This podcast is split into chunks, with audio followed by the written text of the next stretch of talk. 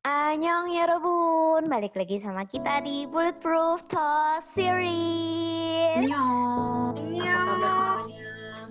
Annyeong, annyeong. Ah, ketemu lagi sama gue Ayu. Ada gue Oni. Hai, aku Vira. Tabrakan, tabrakan. Oke, malam ini kita mau bahas tentang xenofobik atau xenofobia. Mungkin dari teman-teman army, non army yang sedang mendengarkan podcast kita, sebagian mungkin ada yang udah tahu xenofobik itu apa, sebagian juga belum tahu kali ya xenofobik itu apa. Ini tuh sebenarnya hmm, kalau bisa dibilang tuh terjadi di berbagai negara sih ya, terutama uh, Amerika yang uh, lumayan kuat xenofobiknya itu sendiri. Ya nggak usah jauh-jauh di negara kita juga. Oke. Okay. white supremacy gue bakal ngejelasin tentang xenofobia itu apa sih? Jadi ke depannya nanti ada Kak Oni, ada Kak Vira, dan Kak Afid yang bakal melengkapi bahasan tentang xenofobik ini sendiri. Oke, xenofobia itu berasal dari dua kata bahasa Yunani yang pertama xenos dan phobos. Xenos itu artinya orang asing dan phobos itu artinya takut. Jadi xenofobia itu ketidaksukaan atau ketakutan terhadap orang-orang dari negara lain atau yang dianggap asing. Jadi e, memang takut pada sesuatu yang asing. Cuma ketakutannya ini tuh atau ketidaksukaan ini tuh bisa apa ya? Bisa menimbulkan kebencian gitu. Yang sampai berlebihan banget lah. E, kasarnya kayak misalnya di satu negara tertentu sangat tidak suka kalau ada contohnya misalnya e, penyanyi lain yang lebih ngetop di negaranya itu sendiri. Itu contoh yang sangat mendasar ya gitu. Dan uh, xenofobik ini sering banget diartiin atau disama-samain sebagai sikap rasis rasisme. Ya kalian udah pada tahu lah ya kalau rasis itu apa gitu kan. Padahal nih uh, xenofobik sama rasis ini punya arti yang berbeda. Walaupun sebenarnya sikapnya ini cukup cenderung sama sih ya gitu jadi kalau rasis ini sih sikap merendahkan terhadap ras tertentu karena bentuk ketidaksukaannya. Kayak misalnya gue kan uh, orang Sunda, jadi gue kayaknya nggak cocok sama orang bla bla bla kayak gitu gitu. Itu rasis itu yang contoh dasar banget. Dan kalau xenofobik itu sendiri, itu, ini tuh kayak nggak terbatas cuma di ras doang gitu. Jadi rasa takutnya tuh kadang sampai benci seseorang dari warna kulit, agama, suku atau segala sesuatu yang berbeda gitu loh. Jadi uh, dampak dari xenofobik ini sendiri atau xenofobia rasa takut yang timbul dan dapat pecah jadi itu rasa benci bencinya benci bisa benci banget terus juga bisa menimbulkan permusuhan dan kekerasan gitu kan. Uh, kayak kejadian kemarin mungkin kalian pada tahu soal uh, hashtag yang akhirnya naik itu Black Lives Matter. Itu uh, salah satu dibilang bentuk rasis juga enggak tapi uh, apa ya sampai karena sampai merembet ke mana-mana gitu loh. Sampai ke penyanyinya juga ikut kena keseret sampai uh, masalah apa sih keluarga keluarga negaraan mereka juga jadi ikut-ikut diseret-seret.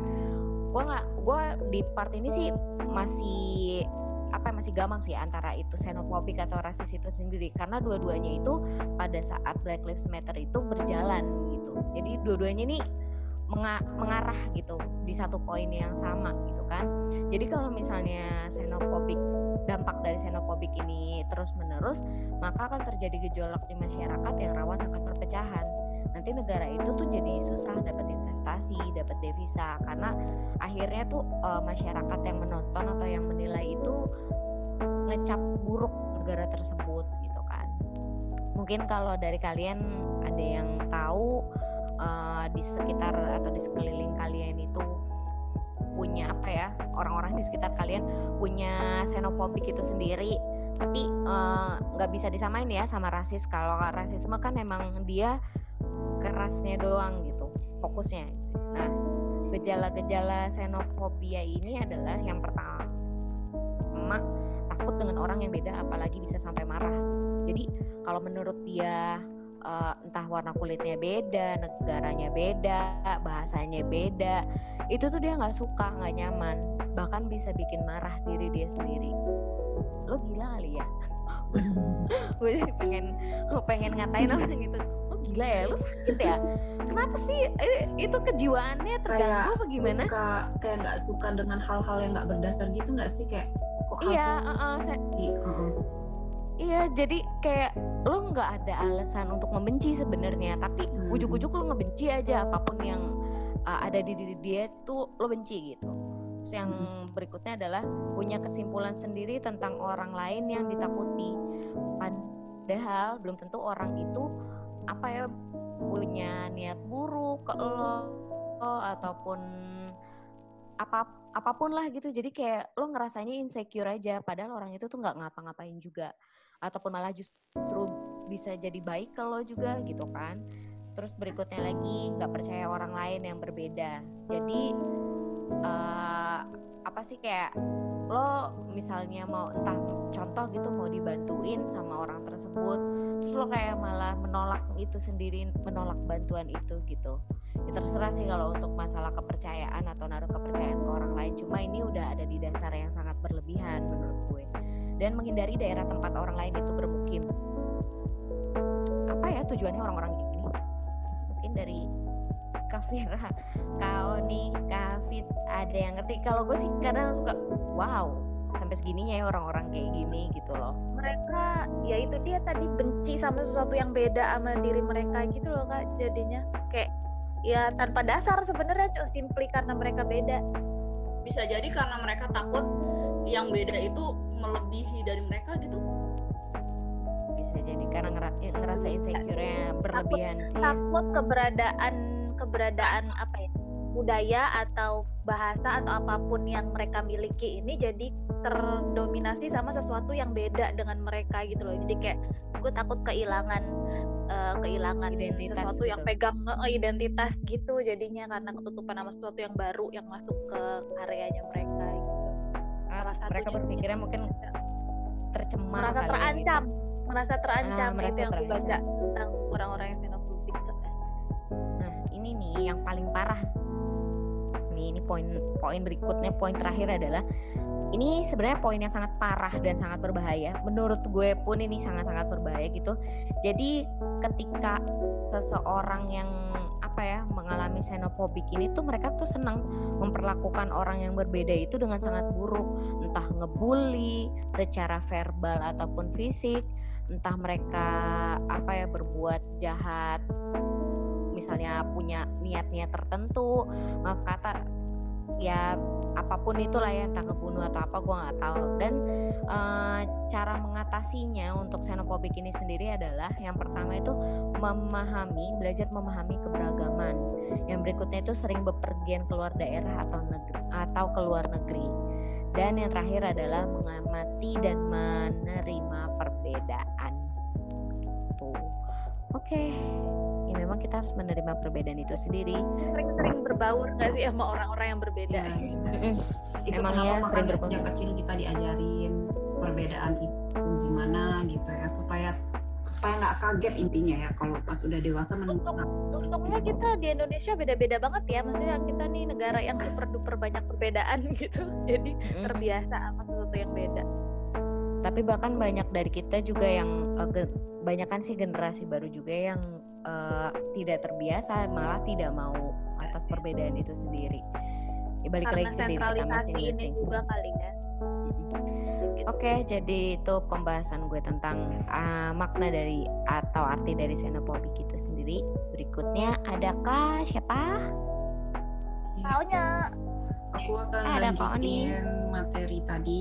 Kalau Kak Ayu udah ceritain uh, udah ngejelasin sedikit tentang xenofobik xenofobik sama kalau aku akan lebih cerita sedikit tentang uh, mungkin kita ngambil di sini lebih ke dunia entertainment ya industri entertainment yang juga sering banget jadi hal sasaran empuk untuk uh, orang-orang xenofobik di sana. Kalau di kita nggak heran lah Kak, kalau negara Amerika sendiri itu eh, xenofobiknya tuh benar-benar sangat-sangat kuat ya. Baik itu di industri perfilman atau di industri musik Eh, kalau yang akhir-akhir ini baru terjadi itu ini aku eh, cerita sedikit mungkin kita tahu Parasite waktu menang Oscar Iya. nah sebelum Parasite. para iya, iya, eh, iya. sebelum Parasite menang Oscar dia kan udah masuk ke menang di beberapa festival film kan ya kayak di festival film Cannes dia menang terus akhirnya dia masuk nominasi di Oscar dan dia itu biasanya di Oscar tuh emang ada pilihan tersendiri kayak film uh, berbahasa asing terbaik. Jadi di yang non bahasa Inggris. Tapi Parasite ini adalah satu-satunya film non Inggris pertama kali yang masuk ke dalam kategori film terbaik dan dia menang gitu kan. Jadi sebelum itu pas masuk kategori itu banyak banget memicu perdebatan antara para kritikus sama penikmat film. Jadi mereka menganggap kayak kayaknya para saya tuh nggak cocok gitu loh untuk masuk di kategori film terbaik. Dia hanya cocok udah uh, sampai di film asing eh film berbahasa asing terbaik. Bahasa asing. Uh, jadi uh, akhirnya tuh pas sejak uh, Parasite menang di nominasi Oscar sebagai film terbaik tuh jadi kayak tonggak um, tonggak apa ya namanya? Tonggak untuk tonggak sejarah. sejarah ya sejarah baru bahwa perbedaan itu itu kayak bukan halangan untuk uh, untuk halangan di apa sih untuk mendapatkan ya, karya. karya-karya penghargaan jadi tuh ya sama halnya. Jadi ternyata tuh yang memicu perdebatan tuh yaitu sama tadi kayak hal nggak berdasar yang nggak penting sih sebenarnya untuk diperdebatkan. Karena dia hanya ber, berbeda bahasa. Karena dia full bahasa Korea dan juga pemainnya yang full dari uh, negara Korea, Korea. Yang sama sekali nggak ada pemain ini uh, dari berkulit putih dari Amerika atau segala hal gitu. Jadi akhirnya uh, karena banyak yang protes dan mendukung dan memang Parasite juga bagus ya kita kalau kita udah nonton sendiri dan orang banyak yang suka akhirnya itu menjadi kayak sebuah sejarah tersendiri untuk dunia perfilman di Hollywood sendiri ya. Kita tahu kalau susah banget kan ya. Asia lah ya. Asia paling sering kayaknya di kayak uh, uh, disepelein disepelein gitulah nah kalau di industri sepelein banget industri musik itu sama halnya di industri musik Amerika kita tahu sendiri uh, masih mengkotak-kotakan nominasi untuk berbagai artis uh, dari berbagai kalangan ras ataupun bahasa. Ini juga aku baru tahu kalau aku baca-baca. Kalau dilihat dari chart-chart Billboard sebelumnya sebelum BTS akhirnya menang di chart nomor satu kalau kalian sadar tuh um, pe, yang men, yang apa menduduki chart-chart Billboard itu rata-rata entah itu memang dia penyanyi berkulit putih ya kan? Atau enggak iya. sangat sangat jarang kayak gitu.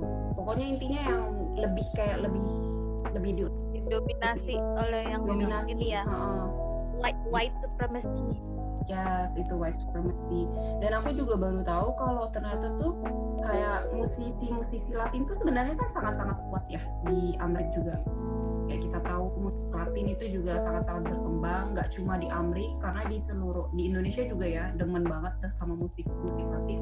Tapi di Amerika sendiri itu ternyata ada penghargaan sendiri. Jadi musisi-musisi Latin itu nggak diikut sertain dalam uh, major kategori. Yes, jadi mereka tuh punya award sendiri Latin Award Music gitu loh. Itu juga gue baru tahu dan mereka padahal uh, musik musisi-musisi Latin itu salah satu musisi uh, yang sering banget uh, bertengger di chart Billboard sama juga pasaran yang paling laku di pasaran Amerika tapi mereka ya tetap aja sama disepelekan. Entah mungkin sama karena masalah bahasa. Kan di Latin kan pakai bahasanya yang bahasa Latin kayak gitu. Kayak gimana mana kita ya. tuh lebih ngerasa lu kalau pengen masuk di berbagai kategori atau lo pengen ya dilihat ya lo harus berbahasa Inggris berbahasa kita mungkin seperti itu kali ya jadi kayak ngerasa karena ngerasa lebih kuat kali ya iya iya karena mereka ya mereka dianggap sebagai penguasa lah ya Nah, ada juga kalau ini bukan di Inggris, eh bukan di Amerika, kalau ini di UK. Di UK ini juga baru aja terjadi. Uh, jadi namanya penyanyinya Rina Sawayama. Dia itu sebenarnya emang Jepang, asli Jepang, tapi dia tuh udah 29 tahun, eh bukan uh, 20 tahun tinggal di Inggris. Tapi dia sebenarnya memang masih berkeluarga negaraan Jepang. Tapi dia punya uh, apa sih namanya tinggal di negara itu jadi kayak punya kartu permanen bahwa dia selamanya akan kayak green kayak green card gitu ya kalau di Amerika. green card ya karena di Jepang sendiri kan nggak boleh dua nggak mengakui dua keluarga negaraan ya. Tapi ternyata Rina Sawayama ini adalah uh, salah satu musisi yang sering berkontribusi untuk uh, perekonomian in, industri kreatif di Inggris. Dan dia tuh ternyata sering uh, di dipuji sama musisi hebat juga dari Inggris sendiri itu sendiri padahal Elton John. Dan dia tuh sempat kayak di nominasi uh, dinominasikan untuk masuk masuk kategori best pop UK waktu itu kalau nggak salah di 2019 cuman akhirnya dia di blacklist dia dikeluarkan dari nominasi itu hanya karena dengan alasan dia tidak Inggris nah di akhirnya itu dia ngerasa kayak kenapa gue seperti seperti di apa ya disepelekan padahal gue sendiri adalah memang berkontribusi untuk musisi musik dunia musik Inggris gitu ya akhirnya dia mengirim kritikan pedas kepada waktu itu dia masuk ke kategorinya itu di mana ya? Uh, Pop Awards sama Mercy Mercedes uh, Award kalau nggak salah. Jadi dia akhirnya uh, merasa oh dia cukup tahu kalau ternyata di Inggris juga sama halnya xenofobik kayak ya kayak gitu. Dia merasa di dibedakan dianaktirikan ya berarti ya? Mm-mm. padahal dia sendiri adalah salah satu musisi di Inggris yang sering uh, bertengger di chart-chart UK itu sih kadang kalau xenofobik itu nggak mandang lo mau ngasih udah ngasih apa ke negara gue kasarnya kan Iya. gitu. Lo mau setinggi apa nama lo di negara gue tetap aja ketutupan sama dari ketakutan itu sendiri. Nanti Yes. takutnya lo yang lebih me- menguasai nih di negara gue ini. Bisa jadi itu sih berapa halnya apa sih parah juga ya ternyata. artis dan aktor atau musisi yang pernah kena xenofobia mungkin dari BTS ada juga ya banyak ya. Nah ini lebih akan diceritakan oleh Kak Vira silakan Kak Vira Oke, jadi hmm, ini aku bakal cerita tentang xenofobia yang diterima oleh BTS ya. Berhubung ini channel Bulletproof Talk series, jadi apa pun kita akan hubungkan dengan BTS. Bear with it guys. jadi sepanjang karir BTS mereka tuh sebenarnya udah terlalu banyak menerima komen-komen negatif dari orang-orang yang berpikiran sempit dan xenofobik. Tapi untungnya ARMY tuh selalu loyal dalam membela BTS, langsung gerak nyata gitu loh untuk nge-call out orang-orang dan media-media yang ngasih statement racist dan xenophobic ini sampai akhirnya berhasil menerima permintaan maaf secara formal dari berbagai TV kayak di Australia, Meksiko, Jerman, Yunani dan lain-lain yang sempat menghina BTS bawa-bawa rasis dan lain sebagainya ini. Nah, eh, pernah salah satunya itu di Poland, negara sebuah TV di acara di Pol di TV Poland bilang bahwa mengenai tentang uh, waktu BTS dapat itu loh guys most handsome face in the world TC Candler versi TC Candler Hmm. itu mereka bilang bahwa BTS nggak pantas untuk jadi most handsome face in the world ini karena menurut mereka BTS terlalu kecewe-cewean pakai anting make up dan lain-lain terus karena mereka memiliki pemikiran bahwa yang bisa disebut handsome adalah orang yang keker berjenggot mungkin berbulu dada dan lain sebagainya. Itu yang hey. stereotype Ah. maskulin versi barat. Nggak banget deh Ah, nggak taunya begitu diajak ngomong eh, begitu diajak ngomong tangannya eh melambai tangannya iya. Nggak ini ngetril kelingkingnya dari kelingkingnya ngetril sorry Iya, sorry gitu. sorry jadi waktu itu Army tuh murka parah dan akhirnya uh, pokoknya kayak nge-call out banget ini uh, TV show-nya. Padahal kan sebenarnya kita tahu ya guys orang-orang Asia Timur terutama banyakan banget laki banyakan tuh laki-lakinya emang terlahir dengan uh, bulu bulu atau rambut di tubuhnya lebih sedikit dibanding orang-orang di Afrika mungkin atau di Amerika atau di negara barat gitu. Terus kulitnya juga lebih pucat bibirnya lebih merah dan ini semua genetik memang. Jadi nggak bisa kemudian kemudian lantas pantas untuk disebut cewek-cewekan dan lain sebagainya.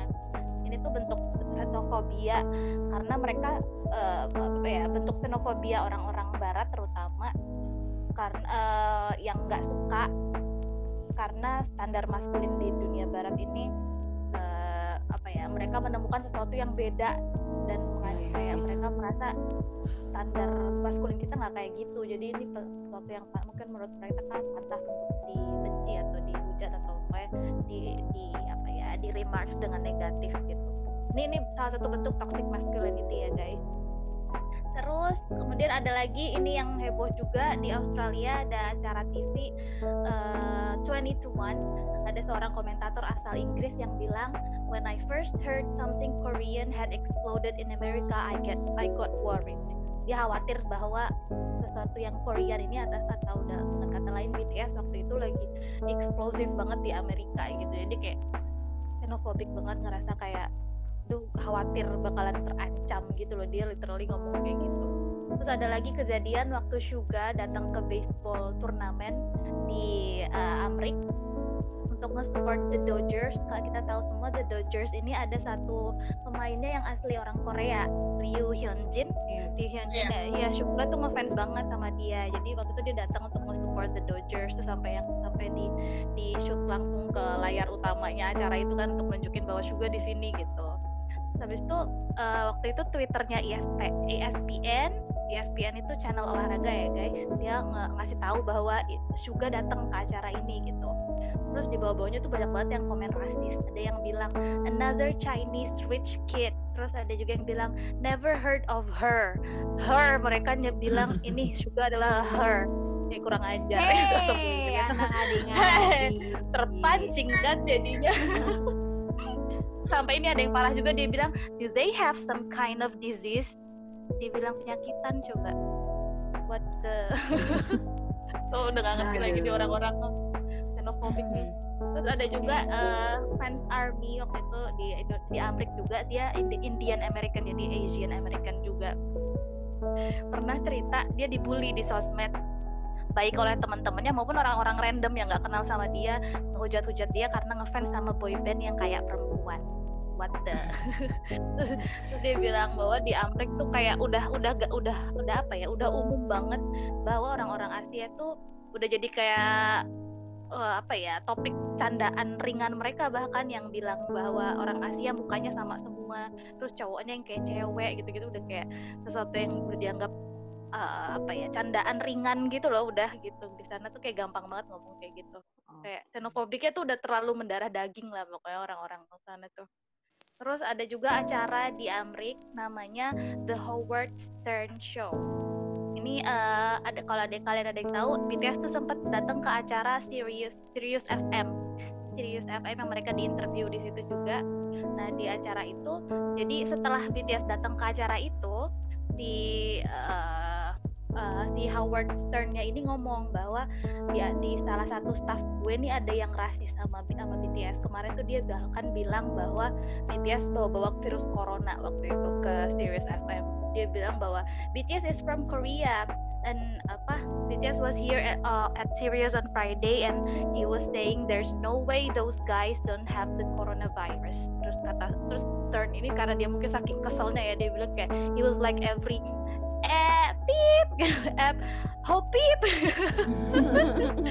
dia tolong dong dia kayak sama-sama. Tolong.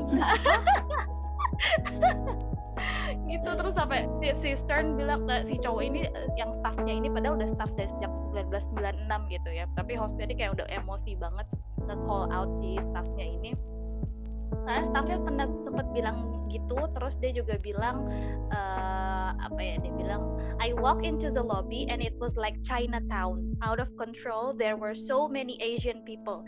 These people are traveling. They're not locals. They're going from country to country. It's a dangerous situation dia bilang. They're in our airplanes in their hotels. Terus kayak uh, mereka tuh kayak mereka tuh lagi touring world tour mereka bisa aja bawa-bawa virus ke mana-mana gitu loh. Ya apa nih orang Asian ngumpul gue ngerasa kayak di Chinatown tiba-tiba dia bilang gitu. Terus si Stern ini ngomong apa dibalas sama si Stern. Uh, di sini acara ini banyak banget artis-artis semua artis yang masuk ke studio ini adalah artis-artis yang melakukan world tour. Nggak cuma artis dari Asia digituin sama Stern. Si Stern gitu sampai dia kayak dia bilang gue juga takut gue paranoid banget sama penyakit dan bakteri-bakteri tapi lo udah rasis lo lo bukan khawatir sama bakteri tapi lo udah rasis ngomong kayak gitu gitu kayak wow nggak ngomong di depan kita masih orang yang nggak ngomong di depan kita. Tolong gimana? Hati-hati. Gusinya, gusinya mau dijahit kan? Gusti lidah mulut dijahit aja gimana biar gitu. Gitu. Jadi untungnya di antara semua orang xenofobik di Amerika masih ada yang edu- educated, cukup educated ya di sana untuk membela bahwa xenofobik itu sangat tidak baik. Terus kayak ya gitu jadi ada ada kasus juga sama kayak tadi kejadian Onya di MTV Music Award, eh, Video Music Awards tahun 2019 di saat eh, BTS mulai ngedobrak lebih banyak lagi ke Amerika itu juga dikategorikan beda. Jadi mereka tiba-tiba bikin kategori K-pop dan ini Ya. kayak bikin ARMY langsung nge-trending VMAs racist terus kayak beberapa acara berita TV juga berita musik bilang kayak ini nggak apa BTS tuh nggak nggak deserve untuk diperlakukan kayak gini mereka tuh udah nge-outsell musik outsell album dan performance mereka ngalahin musisi-musisi Amrik bahkan tapi mereka tetap aja dipisahin dari kategori ini kategori major kategori. Parah deh pokoknya. Karena kalau itu udah- itu itu salah satu beberapa ya beberapa kasus uh, xenofobia yang diterima oleh BTS dan selalu lagi-lagi ARMY adalah yang di uh, barisan terdepan melawan mereka. Wuh. Itu Jangan oke lanjut berani ente. jangan berani jangan ngadi-ngadi. Oke Kafit tentang ini Oke, gimana? aku ya lanjut. Jadi xenofobia itu kalau berdasarkan dari situs doktersehat.com ini tuh sebenarnya kita bertanya-tanya apakah itu termasuk gangguan mental gitu. Cuman eh, xenofobia itu bukan termasuk gangguan mental menurut the Diagnostic and Statistical Manual of Mental Disorders atau DSM-5. Namun namun beberapa psikolog dan psikiater telah menyarankan bahwa rasisme dan prasangka ekstrim harus diakui sebagai masalah kesehatan mental. Oh. Iya iya benar-benar benar-benar itu uh, masih diperdebatkan cuma beberapa expert di psikiatri uh, apa menyebutkan bahwa xenofobik itu termasuk mulai bisa digolongkan ke dalam. Lama-lama kakak ngarah ke sana ya. Iya, Oh, sehat kesehatan mental. Nah, terus si xenofobia itu secara garis besar ada dua jenis budaya sama imigran ya. Cuman tadi uh, udah dijelasin sama kaunya Kafira sama Kayu juga yang budaya itu mencakup kayak musik, pakaian, tradisi dan lain-lain sebagai bahasa. Nah, kalau misalnya yang imigran itu ya tadi ya merempet-rempet ke rasis. Nah, terus ciri-ciri xenofobia. Ciri-ciri xenofobia. Em, yang pertama, itu merasa tidak nyaman berada di sekitar orang yang termasuk dalam kelompok yang berbeda. Terus yang kedua, itu berusaha keras untuk menghindari kelompok tertentu. Yang ketiga, itu menolak berteman dengan orang lain hanya karena warna kulit, cara berpakaian, dan faktor-faktor terkait lainnya. Terus yang terakhir, itu dia tidak bisa menjalin relasi sosial yang baik dengan individu yang memiliki perbedaan ras, agama, warna kulit, dan sebagainya.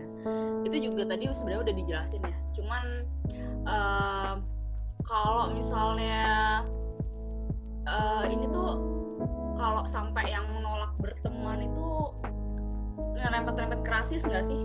Gue juga suka bingung sih kalau misalnya xenofobik sama rasis itu.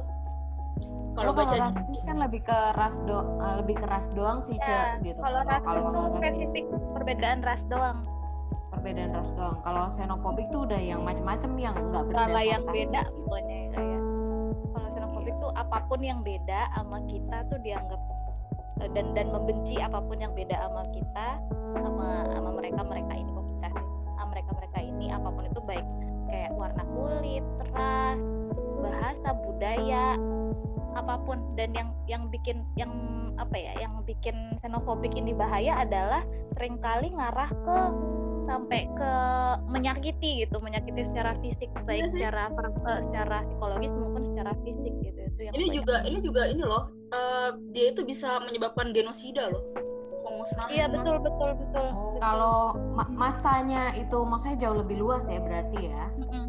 Makanya kan eh, eh, kayak tadi juga sempat gue jelasin juga kan tuh kalau misalnya bisa bikin chaos sa- satu negara tuh dan bisa dipandang sama kayak ini nggak mau nggak mau uh, trying to be politik sih tapi sebenarnya Uighur uh, kasus Uighur di Cina kan itu juga iya. sebenarnya kasus xenofobik. Ya, mereka melakukan genosida kan. uh, salah satu kasusnya itu ya karena mereka udah berani sampai menyakiti mereka sampai hilang nggak tahu ke mana nggak ada jenazahnya nggak ada apa gitu. Ya, kalau kalau kasus yang di Prancis itu yang masalah cadar itu termasuk xenofobik nggak? Menurutku itu juga. Xenofobik juga kan ya? Kayak uh, apa sih ininya istilahnya uh, sistem sistemik sistematik sistematik xenofobik. Jadi udah masuk ke dalam ranah politis ranah governance negara itu. Sampai kan mereka nggak boleh masuk jadi pegawai negeri apalagi begitu kan ya? Iya. Kantoran nggak boleh pakai jilbab. Cuma terselamatkan gara-gara ada pengusaha yang bayar apa denda. Jadi disuruh emang sengaja udah lu pakai aja gitu. Ibaratnya lu pakai aja cadar lo jilbab lo gue yang bayar dendanya. Jadi oh my god oh my god. Iya ada gitu bapak merinding. Dibayarin dendanya tiap tiap tiap ini dibayarin. Bebas. Bebas wow. pakai aja. Hebat. Dia yang kayak dia malaikat deh bukan manusia. Yeah terus apa sih yang harus dilakukan untuk mengendalikan si xenofobia ini? Yang pertama ya tadi udah disampaikan ya perbanyak pengalaman. Mungkin kita harus sering-sering jalan-jalan. Hmm, berteman dengan berbagai ber, orang dari berbagai negara. Hmm, berbagai daerah. Iya. Berbagai daerah. Betul sekali. Bijak dalam mengolah informasi guys. Itu juga penting jangan sembarangan percaya sama stereotype gitu juga nggak sih kak? Ya stereotype yeah. pas tertentu. Sering usah Indonesia tuh sering masih ada aja sih. Masih kuat terutama di netizen netizen yang maha benar itu. Pas tertentu dianggapnya kayak gini ras tertentu dianggapnya kayak gitu. Padahal kan nggak semuanya gitu. Kan nggak nggak semuanya nggak semuanya berdampak negatif ya. Kita harus pintar-pintar mengolah apa yang kita dapat. Betul betul betul. Terus lawan rasa takut akan hal yang tidak diketahui justru kita harusnya malah cari tahu sih biar nggak takut gitu. Ini malah jadi kayak apa sih close minded kali ya. Nggak terbuka. Dan harus brain care. Brain care, brain care. oke. Okay. sering. Sering rutin rutin brain care ya kak. Rutin brain care jangan muka aja yang dirawat ya. Otak juga. Otak ya, jangan kelamaan dipakai untuk diam. Jangan dipakai mandek ber. Otak jangan jadi hiasan doang. Ya otaknya tuh tolong dipakai. Ngomong-ngomong xenofobik kayak gue gue ngerasa sih uh, kayaknya saat ini Korea lagi jadi ancaman terbesar buat Hollywood. Dari segi musik maupun ma maupun film. Karena kan iya betul betul. si Peninsula yang Tren Tubusan 2 Peninsula itu dia tuh udah, udah masuk ini loh list Cannes. Hmm, iya. Oh iya jadi menurut gue Wah. kondisinya kondisinya Korea ini tuh lagi ngancem mereka tuh merasa terancam bukan Korea ngancem tapi mereka itu terancam mereka ngerasa terancam ya Parasite ngedobrak perfilman Hollywood ngedobrak Oscars BTS ngedobrak bill Billboard udah bentar lagi ya. Grammys dan akhirnya jadi membuka kesempatan lebih luas lagi nggak sih buat apa sih uh, apa ya seniman-seniman Korea gitu untuk bisa hmm. lebih menguasai lagi ke sana dan ini ya, yang lagi dikhawatirkan sama Amerika BTS Pave the Way. Itu sebelumnya ada uh, PSY juga ada beberapa penyanyi Korea yang lainnya juga. in, instead of merasa terancam harusnya jadi kayak apa ya kayak pecutan gak sih buat Amrik? Buat kayak oh berarti kayaknya emang gue harus lebih bagus lagi dong gitu dong harusnya instead lebih beragam lagi kan lebih beragam lagi. harusnya ya kalau mau sehat persaingannya ya cuma beberapa pertelevisian Amrik udah mulai apa ya uh, uh, apa sih namanya uh, mengambil Bukan. untuk uh, mengambil beberapa drama Korea itu untuk diadaptasi ke serial-serial mereka. Kalau iya, dokter itu dari serial Korea ya. Dokter, uh, iya, iya, iya. Ya, itu mau diadaptasi. Terus Sky Castle katanya juga mau diadaptasi. Iya, Mungkin harusnya sih kayak wow. Buka untuk menutup xenofobik itu sendiri juga ya. sebenarnya kalau dipikir-pikir orang kita juga banyak banget ya xenofobik sama ini kayak yang kita bahas waktu itu khususnya tentang BTS kayak yang apa sih sukanya sama plastik gitu apa sih sukanya sama banyak. kayak cewek gitu. Kita juga lebih bahaya nih di sini. Padahal sebenarnya kalau mereka mau ini harusnya ter ini ya apa jadi tersemangati nggak sih? Harusnya oh berarti kayaknya industri perfilman dan industri musik kita ada yang perlu diperbaikin nih harusnya gitu dong. Tapi pada sadar nggak? Sebenarnya kita tuh eh, udah ada bibit xenofobik itu sedari eh, mungkin sedari kecil atau apa. Kadang ini yang apa contoh yang paling kecil banget ya. Kayak kalau misalnya di sekolah tuh ada geng-gengan gitu yang si cantik banget maunya tuh Aduh, geng-gengan betul sama si cantik. Kesel kalau banget. yang nah kalau ngeliat yang gendut uh, terus udah gitu misalnya item maaf kata terus apa lagi uh, entah dia uh, rambutnya terlalu kriwil banget terlalu gimana banget itu tuh bakal dijau- dijauhin sama mereka kayak gitu. Ini tuh yang kayak contoh banget gak sih? Tanpa Iya, lo iya. tanpa Atau yang nggak dari keluarga tajir-tajir banget gitu ya. Nah, iya Oh, iya. kayak gitu. Dan itu justru ditampakkan ditampakkan Ya di kan? sinetron-sinetron di sini dan Hmm. semakin dianggap normal. Itu itu kayak Ah. xenofobik yang umum banget ya yang kita lihat. Itu dia udah udah mendarah daging. Eh, ayo Oh, kita udah perangi jadi jadi kayak budaya. tapi sih kita tuh kebanyakan close minded sih low minded orangnya bingung juga gue. Habis Iya. kurang jauh mainnya. Kurang jauh kurang jauh juga buku yang dibaca tontonannya juga paling kalau YouTube nontonnya ya gosip lagi terus juga Nah. lebih senengnya nonton yang hoax hoax ya. Ketahuan ya trending topiknya. Ya trending topiknya ini lagi ini lagi. trending topiknya yang ah, ya, ah, dia lagi nih. Ya Iya, udah ada trending topik di YouTube ah di YouTube. Udah ada di YouTube di TV juga. Ya Iya. kita nonton